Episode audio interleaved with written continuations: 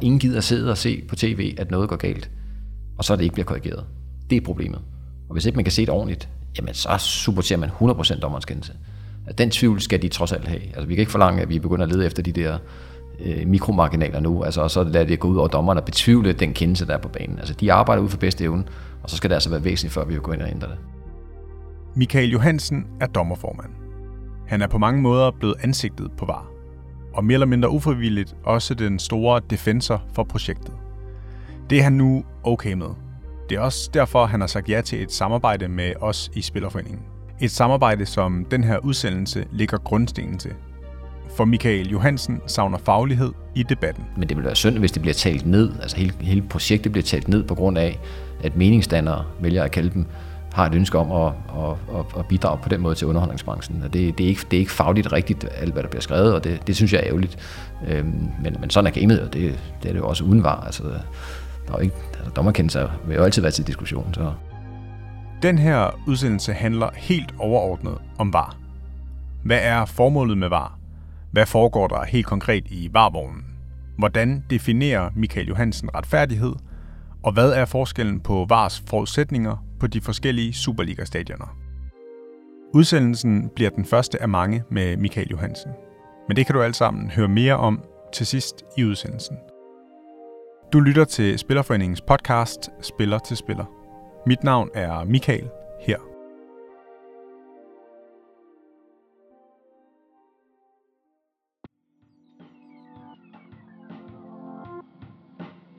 Først og fremmest vil jeg også sige tak, fordi at du vil deltage i den her udsendelse. Og så vil jeg spørge, hvorfor du egentlig vil det. Jamen, det har noget at gøre med den strategi, vi har lagt i forhold til kommunikation, at vi øh, faktisk gerne vil være åbne og transparente. Øh, det har vi sagt rigtig mange gange. Øh, jeg synes også, vi har vist det ved at, at stille op til stort set alle de øh, seancer, både under uddannelsen, øh, men også øh, igennem turneringen. Så øh, jeg synes, det er god øh, tråd at være repræsenteret her i dag øh, med jer, fordi øh, rigtig mange spillere øh, lytter med. Og, øh, og det er vigtigt, at spillerne øh, er helt bekendt med, hvad rører sig omkring VAR det er trods alt dem, der er hovedaktøren. Og, øh, og jeg synes ikke, det er tilfredsstillende, hvis, hvis de render rundt og øh, mangler noget vigtig information, eller er i tvivl om, hvad der reelt sker.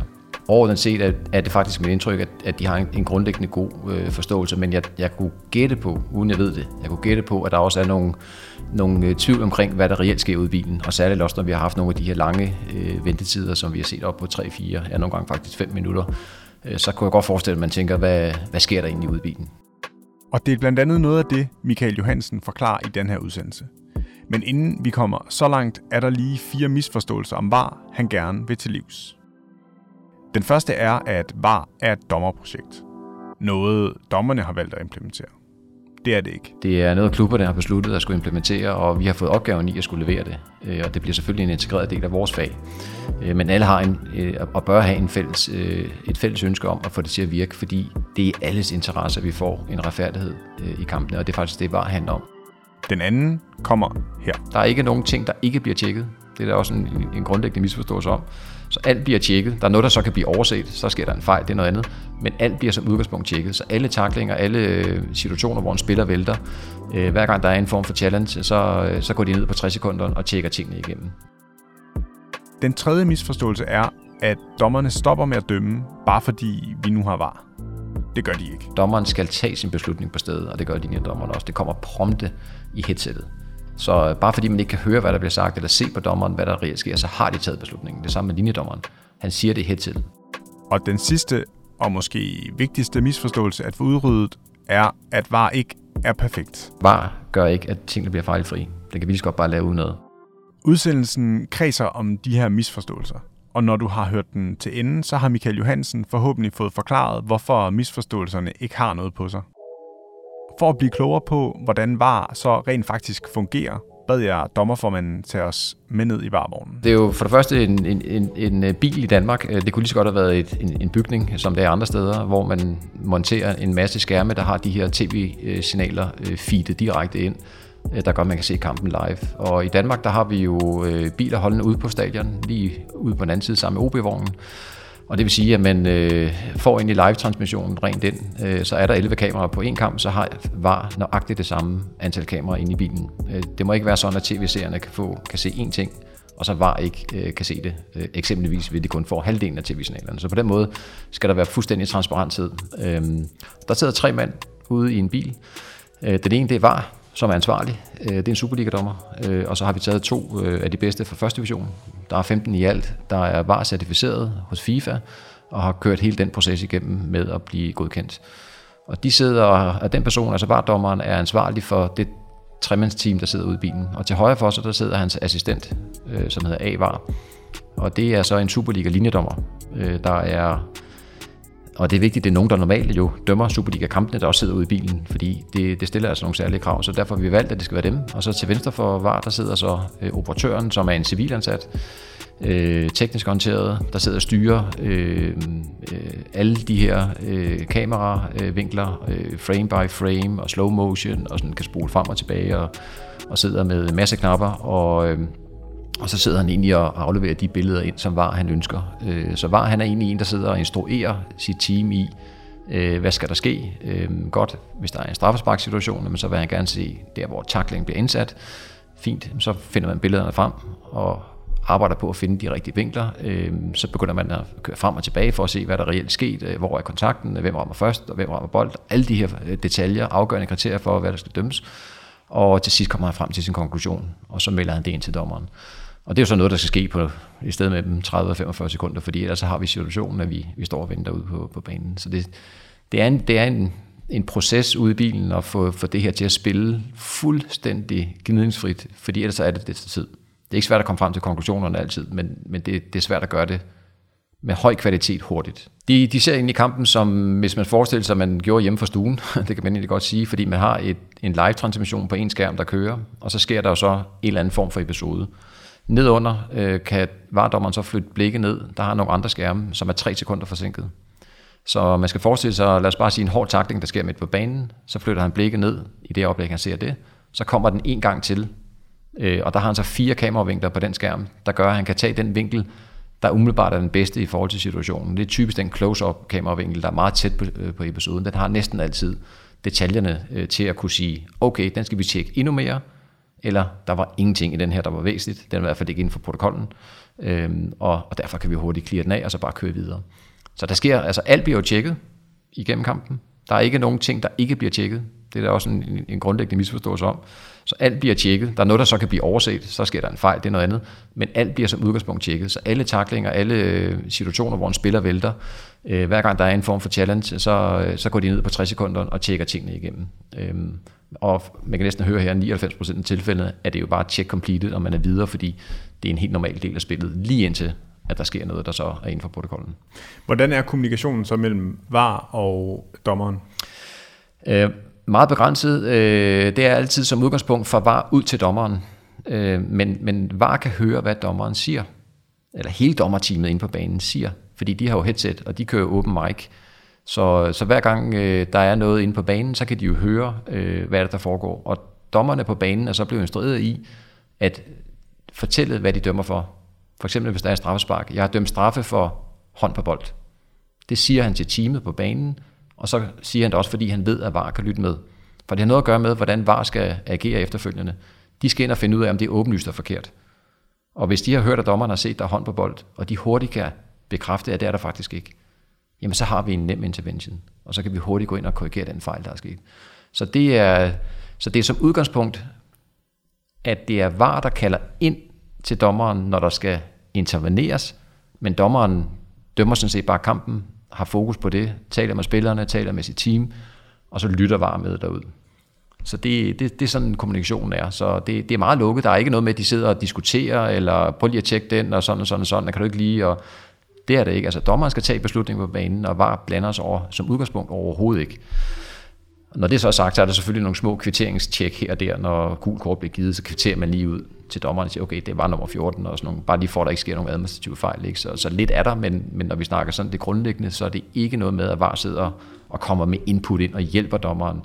Heller ikke for eksempel, hvis der er en skade, øh, hvor dommeren ikke har vist gul eller rødt, så er der ikke noget med, at, at VAR lige kan sige, hm, der, der er gul kort, inden det bliver vist. Det er no-go, det er faktisk forbudt, øh, så, så dommeren skal tage den første, og så er det var kommer på bagefter, øh, for at se, om, om det så er åbenlyst forkert. Kan du prøve at... Øh og beskrive kommunikationen mellem øh, dommeren øh, på banen og VAR? Det kan vi sagtens. Vi kan prøve at forestille sig, at dommeren øh, undlader at dømme et straffespark, og øh, der er så en mulig straffespark, som VAR identificerer. Mens spillet kører, nu er vi jo i gang, jamen, så vil VAR stadigvæk tjekke. Og så vil A VAR overtage kampen. Så han følger, altså det er så assistenten ude i VAR, der, der følger med, fordi man kan godt køre kampen, eller øh, med, med spillet, og så tjekker man for noget, og så sker der en ny episode, og den skal vi helst ikke misse. Øhm, så mens vi tjekker det, så kommer VAR så frem til sin konklusion. Det tager måske 30 sekunder, 40 sekunder at komme frem til, der er faktisk et straffespark. Så han vil trykke på en knap ind i bilen og tale direkte ud til dommeren. Og så vil han melde ind og sige, øh, dommer, øh, her er VAR. Øh, I recommend on-field review, possible penalty. Vi kører det på engelsk derude, fordi det, det er standarderne. Det vil sige, at han anbefaler nu et on-field review for et muligt straffespark. Øh, så stopper dommeren spillet, og så trækker han ud til skærmen. Så er det dommeren, der sådan set bliver var nu. Fordi nu får han billederne præsenteret. Og nu er det var der egentlig operatør, og leverer billederne ud til ham. Hvad vil du gerne se? Og der har vi nogle standarder på, hvad er det, der er optimalt at vise. Det selvfølgelig, hvor er kontakten henne, og, og så kører man slow motion frem og looper frem og tilbage på episoden, og så skal han helst gerne blive serviceret så meget på, nede på banen, at, at billederne taler sit eget sprog. Så ikke det tager for lang tid med at stå og, og, og køre den proces derude. Og så vil dommeren sige, OK, jeg godkender det, jeg tager straffesparket, og så vil man også sanktionere, hvad enten der skal gul eller rødt kort på, hvis det er tilfældet. Og så viser han tegnet og peger ned på straffesparkpletten, og så gennemfører han så øh, den kendelse. Så det er sådan en helt standard øh, proces, at, at man tjekker, anbefaler on-field review, og så kan dommeren tage beslutningen. Det kan også være, at han siger, for mig er det ikke strafspark. og så går han ind og lader bolden falde. Og så starter vi op sådan. Og det bringer os til endnu en vigtig betragtning, nemlig hvornår VAR skal blande sig. Som Michael Johansen forklarede, tjekker dommerne i varvognen alt igennem. Men de stopper ikke spillet og kalder dommeren ud til skærmen hver gang. Snarere tværtimod.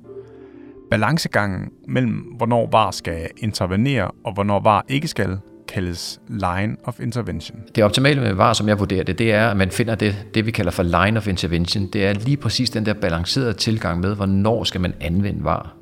Hverken for meget, men heller ikke for lidt. Og det er godt nok en hårfin balance, fordi for det første er der delt holdninger til, hvor meget og hvor lidt man skal anvende VAR. Men vi opererer ud fra den, de retningslinjer FIFA og UEFA de giver, og vi er jo på jævnlige seminar ned med UEFA for simpelthen at kalibrere os og dygtiggøre os sammen med dem og alle andre i øvrigt 21 nationer, der, der implementerer VAR nu i Europa, øh, på hvordan skal det her køre, så det er rimelig ensartet fra land til land. Øh, og det, fordi finder vi den gyldne balance på, at vi hverken bruger VAR for meget, men heller ikke for lidt, så, så efterlever det faktisk det overordnede formål, det er at, at fjerne de der grimme overskrifter, øh, at noget helt åbenlyst har været med til at gøre, at det forkerte hold bliver vinder. Og øh, så det er en balance. Vi skal ikke ind og optimere kendelserne, men vi skal fjerne det, der åbenlyst er forkert. Og det er selvfølgelig en mega definition. Det skal vi konkretisere, og så skal vi prøve at finde noget, der gør, at vi, vi har en rød tråd igennem øh, turneringen.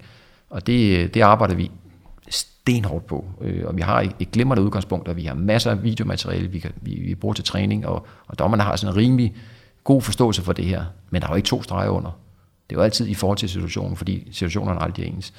Så det, det er i hvert fald noget af det, der, der, der er vigtigt for at bare blive en succes. Det er vi i stand til at, at bruge, finde niveau for line of intervention. Det er ikke så meget det tekniske, det er jeg ikke bekymret for. Altså det der med, at det tager lidt tid nu, altså det, det kan man lige så godt øh, bare sige, ja ja, det, det er det første år.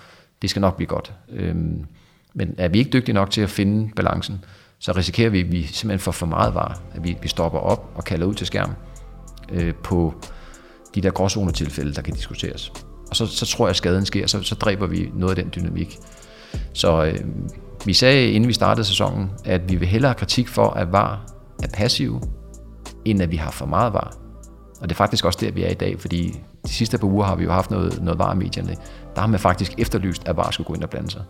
Så, så det er egentlig forudset, at vi står i den her situation. Så nu prøver vi at justere en lille smule på at, at, at blande os lige præcis der, hvor vi finder en, en gylden balance. Jeg kunne godt tænke mig, hvis du kunne øh, konkretisere det her, den her gyldne øh, balance. Altså fordi, hvornår er det, eller hvad er det? Eller, altså, der er jo, ja, som du siger, der har været nogle situationer, hvor at, at der så netop har været den her efterlysning af, at dommeren kan komme ud og se hændelsen. Hvornår skal dommeren ud og se, eller have muligheden for at komme ud og se? Altså, kan du prøve at, at konkretisere det?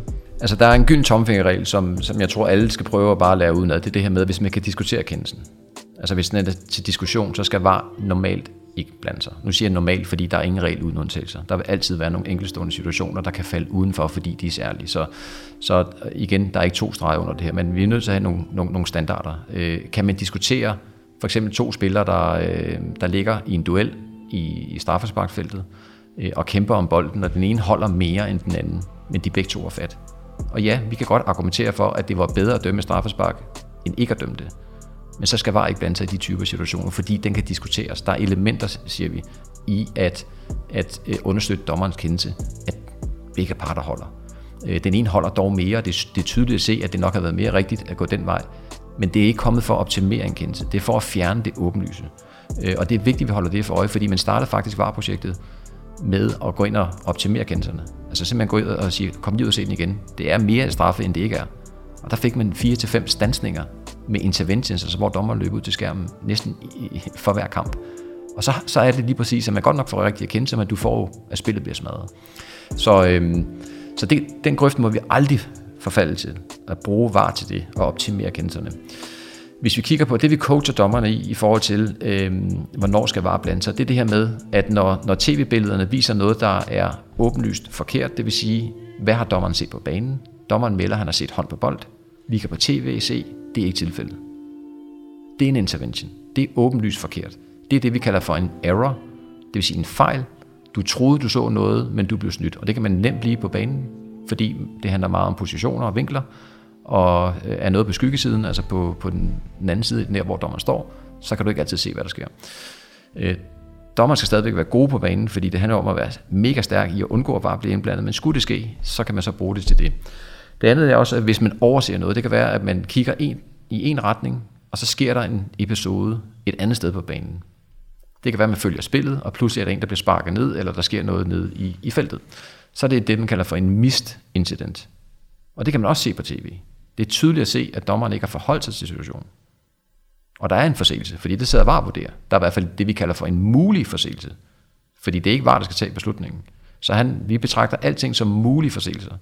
Og så skal VAR så vurdere, skal vi kalde dommeren ud for at gense den igen. Og, og når man kan se, at dommeren overhovedet ikke har forholdt sig til det, og VAR sidder med en oplevelse af, at det her det er et straffespark.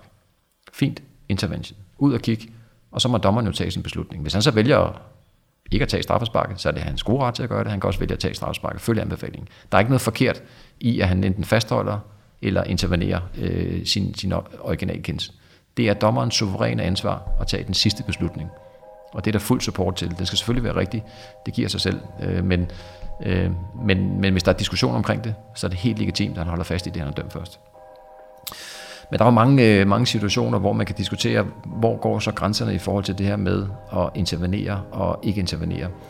Øhm, jeg synes, vi har set rigtig mange gode eksempler. For eksempel på offsiderne, hvor det er helt åbenlyst forkert. At linjedommeren flagmarkerer for en offside på en scoring. Vi sætter linjerne på. Han var en halv meter onside. Vi godkender målet. Altså de typer episoder. Og dem er der altså 60-70 af i en, en hel sæson, som er så klare og åbenlyse. Men der er også mange af dem, der ligger lige i den der gråzone, hvor man kan diskutere det. Ikke? Altså hvor man sådan begynder, okay, hvor er den så henne? Og så er det, det begynder at blive svært. Men det er det, vi coacher øh, og træner dommeren i, at være skarpe i at prøve at tage en, en vurdering. Og, øh, og det, det lærer vi jo også af igennem øh, vores første år, ingen tvivl om det. Jeg bad Michael Johansen tale os igennem et hypotetisk varetjek. Alt, hvad der leder op til et mål eller et straffespark, eller i princippet også et rødt kort, øh, der må ikke være sket en, en, en forseelse forud for. En forseelse kunne være en offside. Øhm, så det bliver tjekket. Og det man så gør, lad os bare tage en scoring for eksempel, det er sådan det mest klassiske, det ser vi jo stort set i hver kamp, og der er stort set altid offside-check i næsten alle scoringer, fordi at angriberne ligger så tæt på offside-linjerne, når, når de bliver spillet fri til sidst. Øhm, og jamen, så går de simpelthen tilbage, og så sætter de linjerne på, og så finder de ud af, om den her den er strafbar eller ikke er strafbar. Og hvis de er tighte, de her offsider, hvilket de faktisk er i, i rigtig, rigtig mange tilfælde, jamen så skal man bruge den software, øh, som øh, hedder EVS. Øh, det er sådan en, en Zebra-software, hedder det, som, øh, øh, hvor man kan triangulere øh, de her linjer meget præcist, øh, men det er ikke 100% præcist. Der er nogle minimale usikkerheder, man lige skal være opmærksom på, men det er langt mere præcist end de streger, man ser tv-sætter. Øh, altså det, det er tæt på ubrugeligt, er jeg nødt til lige at, at sige. Så, så lad være at stole på, på tv-stregerne. Altså det er trods alt en software, der er certificeret for FIFA, og den er godkendt til at må blive anvendt til ja, øh, alle turneringer, så, øh, så det er også den, vi bruger. Øh, men den, den skal lige sættes, og det er sådan en trianguleringsproces, hvor man skal bruge to kameravinkler. Det tager sig lidt tid, øh, når, når, når de der fikspunkter skal på. Og det er der, vi øver os helt vildt for at blive rigtig, rigtig gode til det. Det er jo så operatøren, der sidder og gør det, og, og VAR sidder egentlig bare og instruerer, hvor, hvor er det, hvad for nogle spillere skal, øh, skal, der, skal der fixes på, kan man sige. Altså, hvad for nogle fikspunkter skal de sættes på, og det, det sidder han og styrer. Og det kan hurtigt tage en, en 30-40 sekunder at, at sætte det her på, desværre. Og vi bliver lige hængende ved offsiderne for en stund. For det er nemlig en af de kendelser, der hyppigst bliver tjekket igennem, og hvor VAR kan intervenere. Lige præcis omkring offside er der noget, som spillerne i hvert fald skal være særlig opmærksom på. Det er det her med, at hvis en aflevering for eksempel fører til en friløber ned mod mål, angriberen kører en mod en, altså med keeperen, øh, og der har været en offside på den angriber, så må linjedommeren ikke løfte fladet med det samme. Men han tager sin beslutning med det samme i headset. Så han melder ind til dommeren, det der hedder delay, delay, det betyder, at jeg har set, der er offside på ham angriberen, der racer afsted ned mod målet, helt frit. Helt klart oplagt skrunsmulighed. VAR har hørt den samme melding, så man ved, der kommer et flag lige om lidt. Men man venter på udfaldet af det, der sker. Så hvis han render ned og scorer, så er det, at flaget kommer op i det øjeblik, bolden har passeret mållinjen, og så har man muligheden for nu at tjekke, om der er sket en åbenlysfejl. Fordi så kan man komme tilbage til den rigtige kendelse. Fordi har man løftet fladet for tidligt og stanset det angreb, og man finder ud af, at der ikke var offside, ja okay, men så er skaden ødelagt. Vi kan ikke genetablere angrebet. Altså det, det kunne være flot, hvis vi begynder at gøre det, ikke? Men, men det kan man ikke. Så den, den detalje er kommet med ind i spillet, og det vi træner i nu, det er jo så at finde den der balance med, hvornår skal vi lade spillet køre, og hvornår skal vi for guds skyld ikke gøre det. Så vi får det, vi kalder for anden fase, og på noget, der ikke er oplagt. Så det er kun de oplagte. For eksempel, hvis man står næsten midt foran mål og er i gang med at afslutte, så færdiggør man afslutningen, og så kommer fladet op. Ikke? Eller friløberen, eller men der, hvor man løber ud ved sidelinjerne, eller på vej væk ud mod hjørneflagene og sådan noget ting, så kommer flagene med det samme. Det, det, er sådan, det skal være så oplagt, at alle kan se her, her bliver man frarådet noget, der kunne føre til et mål. Og dermed er uretfærdigheden intakt, hvis det flag det bliver løftet. Det er sådan, man skal, man skal prøve at betragte den her øh, case på. Så det vil sige, det handler ikke om, at dommerne ikke tager, altså ikke vurderer noget, eller ja. ikke tager en beslutning? De tager beslutninger, og de skal tage beslutninger. Det er også, jeg tror, det er sådan en, eller en, en misforståelse, der kører derude, at, at de ikke tager beslutninger i situationen. Dommeren skal tage sin beslutning på stedet, og det gør linjedommeren også. Det kommer prompte i headsettet. For eksempel siger dommeren, spil videre. Der er ikke nok til straffespark. Det, det tager han på splitsekundet. Eller han tager straffesparket på splitsekundet. Så øh, bare fordi man ikke kan høre, hvad der bliver sagt, eller se på dommeren, hvad der reelt sker, så har de taget beslutningen. Det samme med linjedommeren. Han siger det i headsettet. Der er offside, altså han bruger så bare en anden kommunikation, øh, og så øh, venter man så på, på, på at se udfaldet af det. Så der er ikke noget med, at man venter på, at VAR skal komme ind og blande sig her.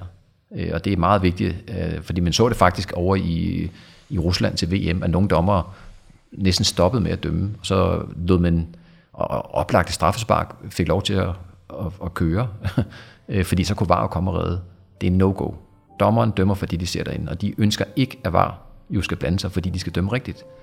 De skal være mega stærke, måske endnu stærkere end tidligere, i at dømme på banen. Fordi så ser vi overhovedet ikke var. Det er udgangspunktet. VAR-teamet arbejder og tjekker hele tiden, men skal altså fylde så lidt som overhovedet muligt. Og det gør det også som oftest. Arbejder i baggrunden, uden at vi lægger mærke til det. Men der har også været episoder, hvor det modsatte har været tilfældet. Hvor et var har taget alt for lang tid.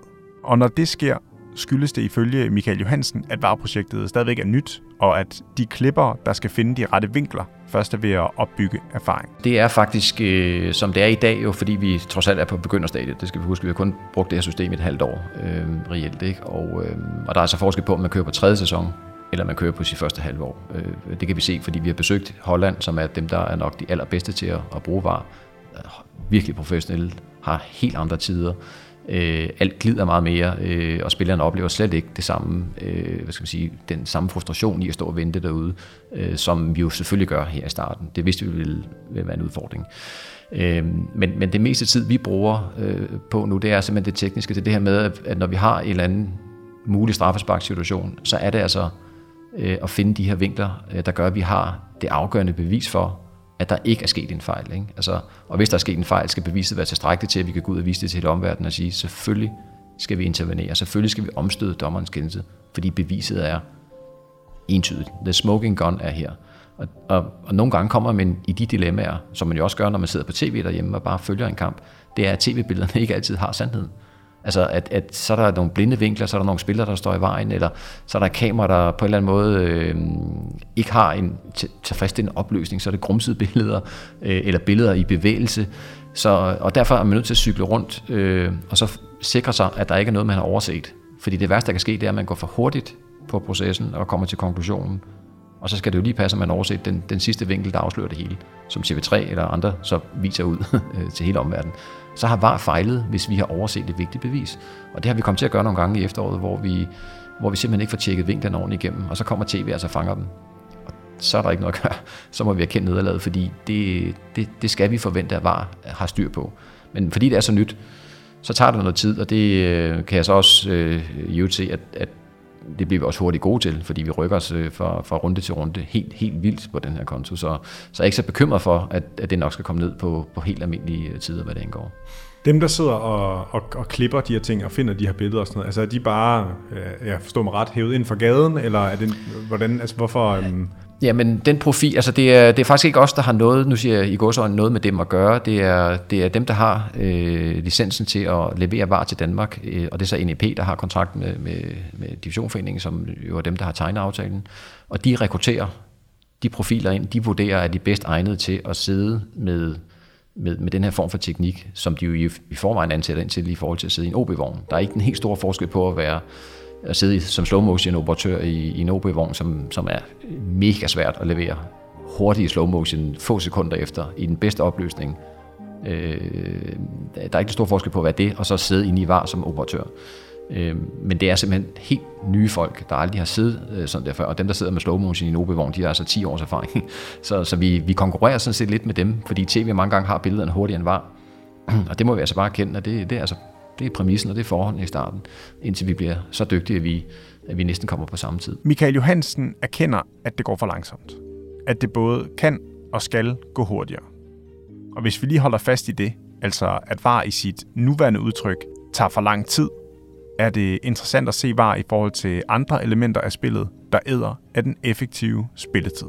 Altså, der er meget fokus generelt på øh, ineffektiv spilletid, kan man sige, øh, og man er helt op på omkring 40 minutter, øh, der er ineffektivt i en fodboldkamp, og det er jo et stort problem for produktet, det har vi synes ikke noget med at gøre, men, men det er der meget fokus på for alle parter i at gøre det endnu mere øh, dynamisk og endnu mere underholdende, og et øh, indkast ved man i gennemsnit tager op til 8 minutter per kamp, altså hvor vi venter på, at bolden er blevet spillet ud af banen, til den bliver kastet ind igen.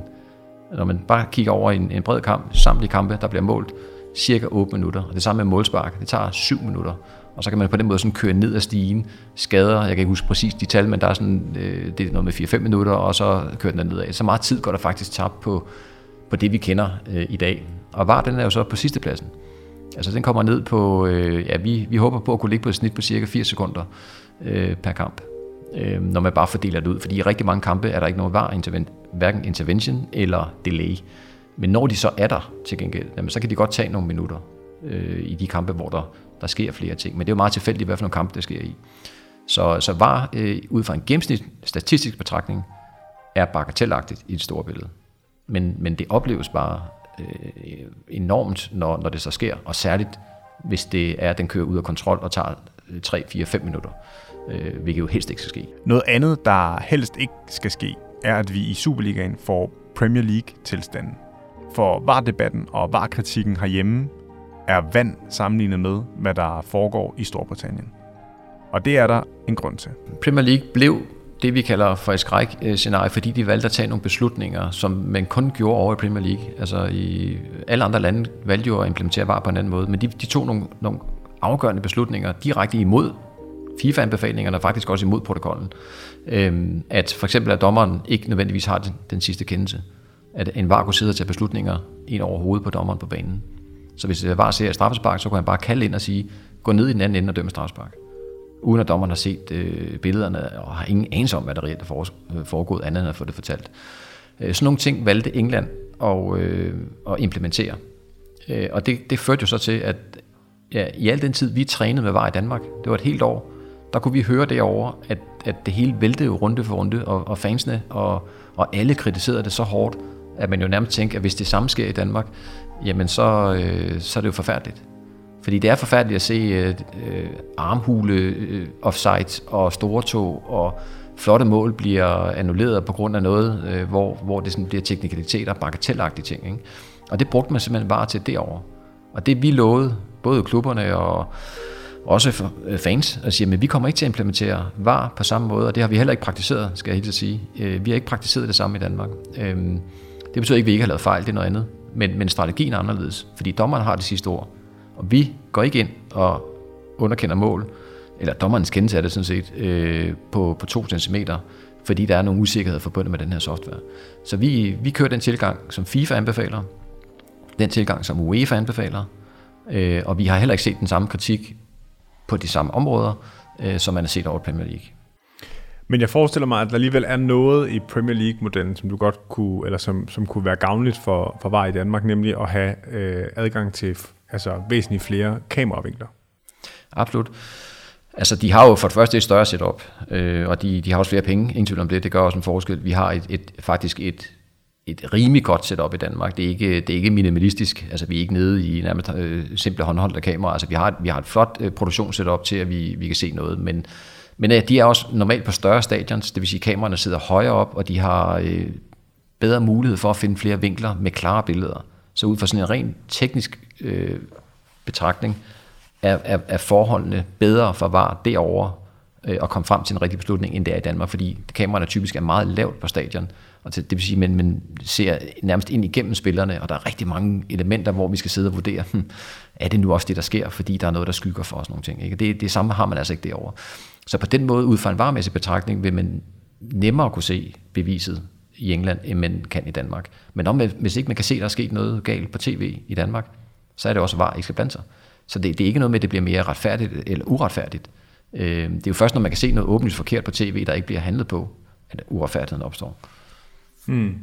Men der kan vel godt være sket noget uretfærdigt, som, som ja. man ikke kan se. Ja, men, men ingen ved det jo, øh, fordi der er jo ikke nogen objektiv sandhed, og det er jo, det er jo lidt det, der er udfordringen. Og, og, og var jo ikke kommet for at finde den objektive sandhed. Den er, den er kommet for at finde, at, at den fejl, man kan se på tv, og kun den fejl, man kan se på tv, skal korrigeres. Og det er det, det handler om. Så hvis ikke man kan se det på tv, fordi der ikke er nogen gode billeder, så er der ikke noget at komme efter. Så kører vi bare videre, ligesom man altid har gjort. Er der samme setup på alle stadions eller til alle produktioner? Nej. Øh, vi kører helt ned fra seks kameraer på de små produktioner op til øh, typisk 11 øh, øh, på, på de større. Øh, og det, det er ikke noget, vi har med at gøre. Altså vi kommer sådan set bare ud til stadion, og så er der de kameraer, der er. Men det, der i hvert fald er vigtigt, det er, at de kameraer, der er på stadion, har var også. Så de sidder ikke kun på, på 4 ud af 6 eller 4 ud af 8. Det er, øh, det er alle eller, eller intet. og hvad tænker du om det, at der er forskel på, altså på produktionerne på de forskellige stadions? Altså alt efter, øh, hvilken, hvilke stadion man spiller på, eller hvilken kamp det er, så kan man få, nu ved jeg godt, du siger, at det ikke er nødvendigvis mere retfærdigt med flere kameraer, men, men så er der bedre forudsætninger. Jamen, jamen altså, jeg har, i princippet har jeg egentlig ikke nogen holdning til det, fordi det er, det er jo en præmis, øh, der er. Altså, der, der er lavet en tv-aftale, og der er, der er det produktionssetup, der er, så man, man kan jo godt ønske sig at forestille sig alle de mulige scenarier. Hvis man havde 30 kameraer, som man har til VM, jamen, så, så vil man nok mere sandsynligt finde den objektive sandhed. Men, men det har intet med formålet med VAR at gøre. Altså, øh, formålet med VAR handler jo som sagt om, at når der er noget på tv, der er åbenlyst forkert, jamen så, så går vi ud og, og bruger de billeder, til at, at komme frem til en rigtig konklusion. Og hvis ikke de billeder er der, hvad enten der i princippet er et kamera, det kan der så ikke, der skal være minimum fire, men, eller der er 30, jamen så er det bare sådan, der. Så man kan sige, at det der med retfærdighed, jamen det, man, man kan ikke afgøre, til hvilket hold øh, fordelen er. Altså, det, det er to hold, der spiller for, foran syv kameraer, og der, der er jo ikke noget med, om, om, om du får øh, fordel af det, fordi det er jo dommers beslutning på banen, der, der bliver undersøgt. Så, så tilfældigheden er jo fuldstændig entydig, ikke? Og, og det værste, der kan ske, det er, at man får mere rigtig kendelse. Så der er et eller andet sådan, den der retfærdighedsfølelse af, ja, men er, er det fedt at vinde, hvis man så fik en uretfærdig kendelse imod sig, fordi der var få kameraer. Jeg, jeg kan ikke helt gennemskue det der. Altså det, så for mig er der ikke noget øh, retfærdighedselement i det her. Det er, det er en præmis, og vi bruger de billeder, når, når de er til stede. Jeg tænker bare, at det, det kunne være øh, i sådan nogle offside-kendelser, for eksempel, nu er med på, at der er den der øh, software til at triangulere og sådan noget, men, men altså, er der samme forudsætninger for at finde en offside på øh, 8 kameras produktion kontra øh, 6 kameras? Øh? Nej, ikke, øh, ikke rent teknisk. Absolut ikke. Men det bliver det ikke mere retfærdigt eller mindre retfærdigt i dag. Den dag, altså retfærdighed øh, defineres jo ved, at der på tv kan ses, at der sker sket en fejl, men at dommeren har dømt modsat. Så er der uretfærdighed til stede, eller der er retfærdighed, hvis fejlen bliver korrigeret. Ikke? Øhm, og hvis ikke man kan se det på de ordkameraer, men så kan man ikke, så kan man ikke sige, at der er noget galt jo. Ergo, så er der ikke nogen uretfærdighed til stede. Øhm, og det gør os også gældende på 30. Der kan sagtens være situationer med 30 kameraer, at, at også er udfordringer med at se det entydigt. Det kan vi også bare se i England. Så, så øh, jeg tror ikke, man skal kigge så meget på det. Øh, men, men det, man skal holde øje med, det er, at der ikke sker noget på tv, som åbenlyst burde korrigere en kendelse på banen, fordi det er trods alt det centrale. Ingen gider sidde og se på tv, at noget går galt, og så er det ikke bliver korrigeret. Det er problemet. Og hvis ikke man kan se det ordentligt, jamen så supporterer man 100% dommerens kendelse.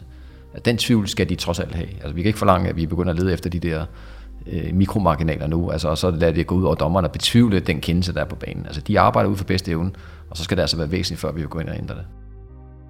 Formålet var, det er at øh, skabe mere retfærdighed ved, at øh, dommerfejl ikke bliver afgørende øh, for udfaldet af kampene. Og det er det, det handler om. Det er de, de kampafgørende kendelser, som er defineret i det, vi kalder for VAR-protokollen. Den er lige præcis afgrænset rent definitionsmæssigt til kun at indbefatte der, hvor det er kampafgørende. Det, øh, det ønsker man at øh, give dommeren muligheden for at se en gang til. Og øh, det er det, det hele handler om. Det er mere retfærdighed. Så der er ikke nogen, der ud fra formålet med var, kan anfægte det. Fordi så har man godt nok i ond tro og ond hensigt, hvis man, hvis man ønsker at have hvad skal man sige, uretfærdighed ind i fodboldspillet. Jeg tror, alle må have en interesse i at få retfærdighed ind. Det, der er det store spørgsmål, det er jo prisen for det. Det er jo så, okay, hvad er omkostningen ved det? Der er altid en omkostning ved at implementere sådan noget som det her.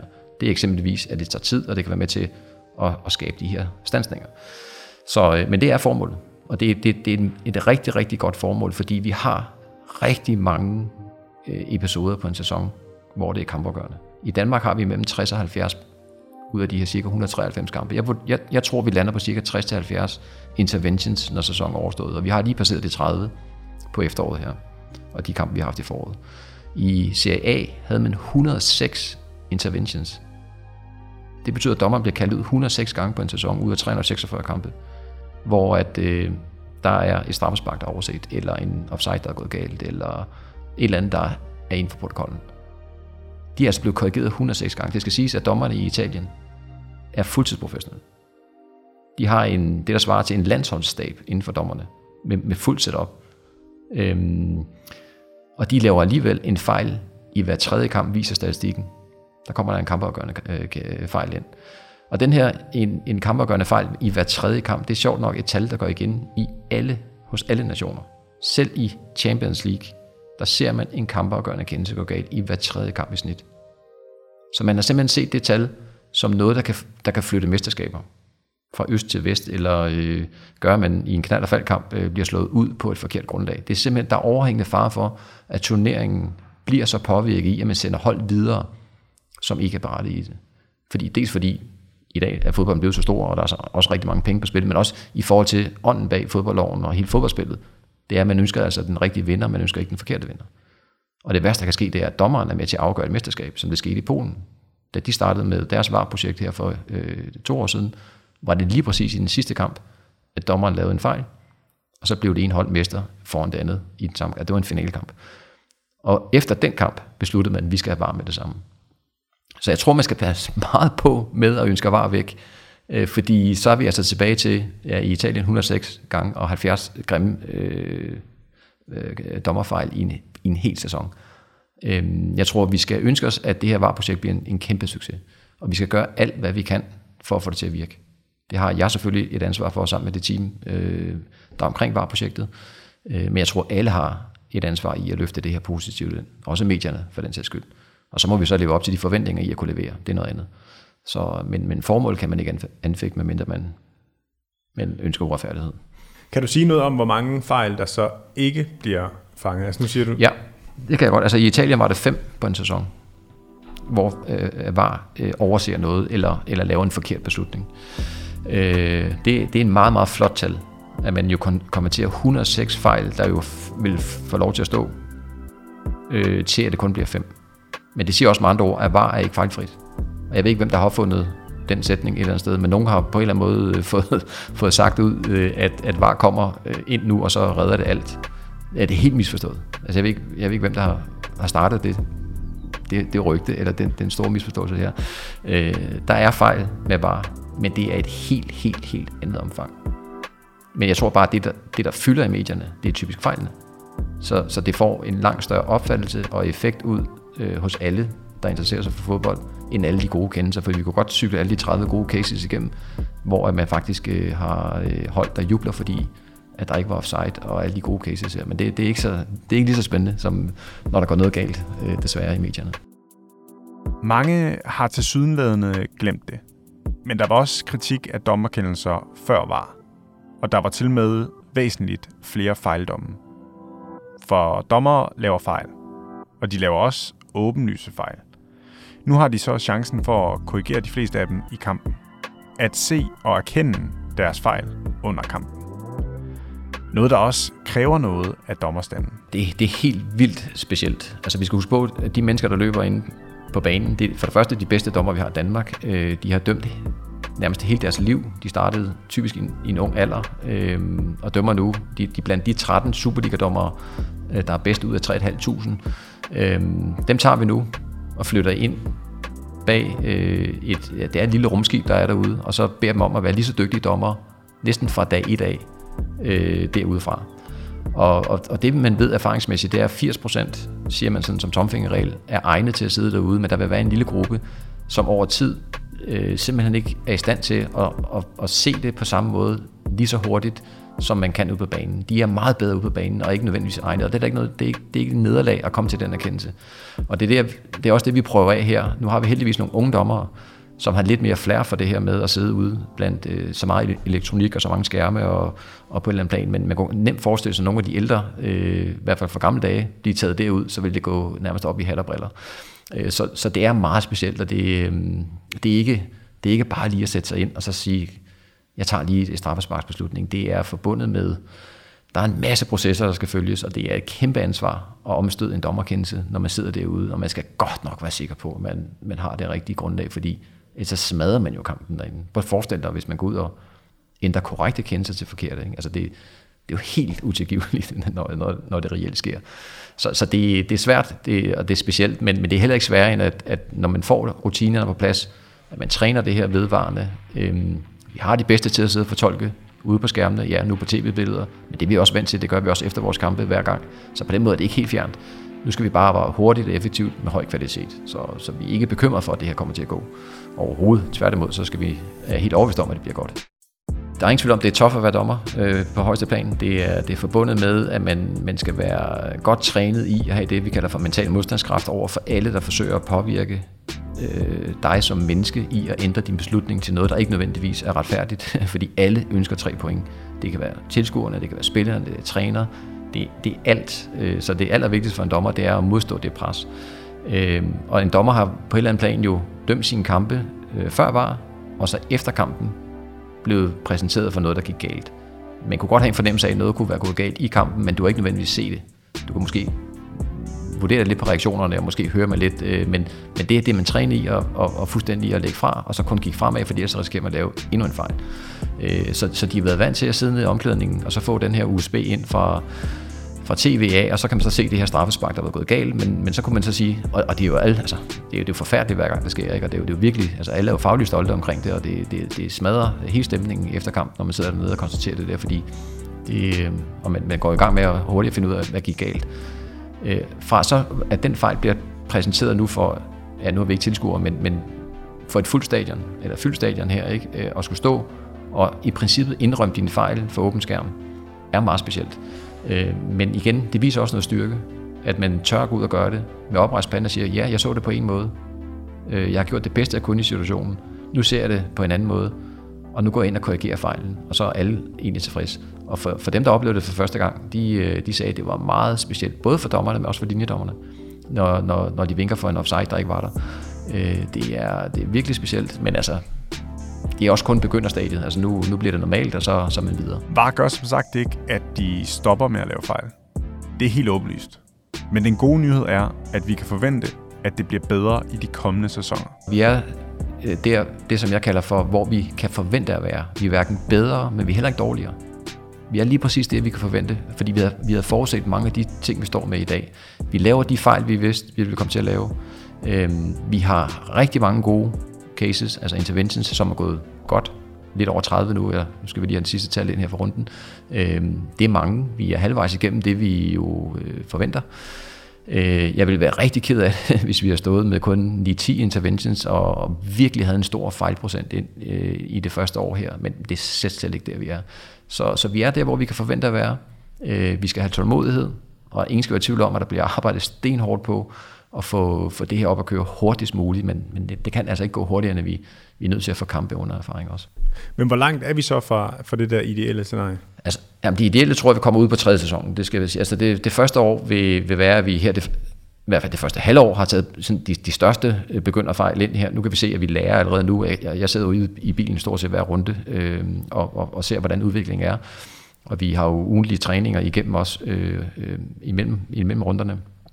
Og, øh, og vi flytter os helt, helt vildt. Så jeg tror, det første år, øh, når det er overstået, der vil vi stå med en, en ret høj øh, standard. Øh, og så vil anden sæson være sådan et spørgsmål om, er vi på det rigtige niveau for line of intervention, eller skal vi, altså passer det til Superligaen? Øh, skal vi skrue lidt op eller lidt ned for, for den del af det? Men vi, jeg tror ikke, vi sidder og fitter med øh, tekniske udfordringer, som vi gør i dag på samme måde. Altså det, det er helt overbevist om, at det bliver afledet i et eller andet omfang. Men, og så vil der være en enkeltstående episode, vil jeg gætte på, hvor øh, en, en, en dommer simpelthen tager fejl, eller at det går galt derude, øh, svarligt til en, en spiller, øh, i princippet brænder i straffespark, ikke? Altså, som, som heller ikke rigtig måske. Øh, sådan nogle ting kan godt ske, fordi det er mennesker, vi er med at gøre. Altså, så det kan man ikke, det kan man ikke udelukke. Men, men sådan, jeg kigger over en bred kamp, om, om holdet leverer det, de skal, eller om, øh, eller om, om, om altså er vi generelt på det niveau, øh, og, og hvis ikke vi er det, hvad kan vi så gøre for at komme op på det? Og der er vi, hvor vi skal være, absolut.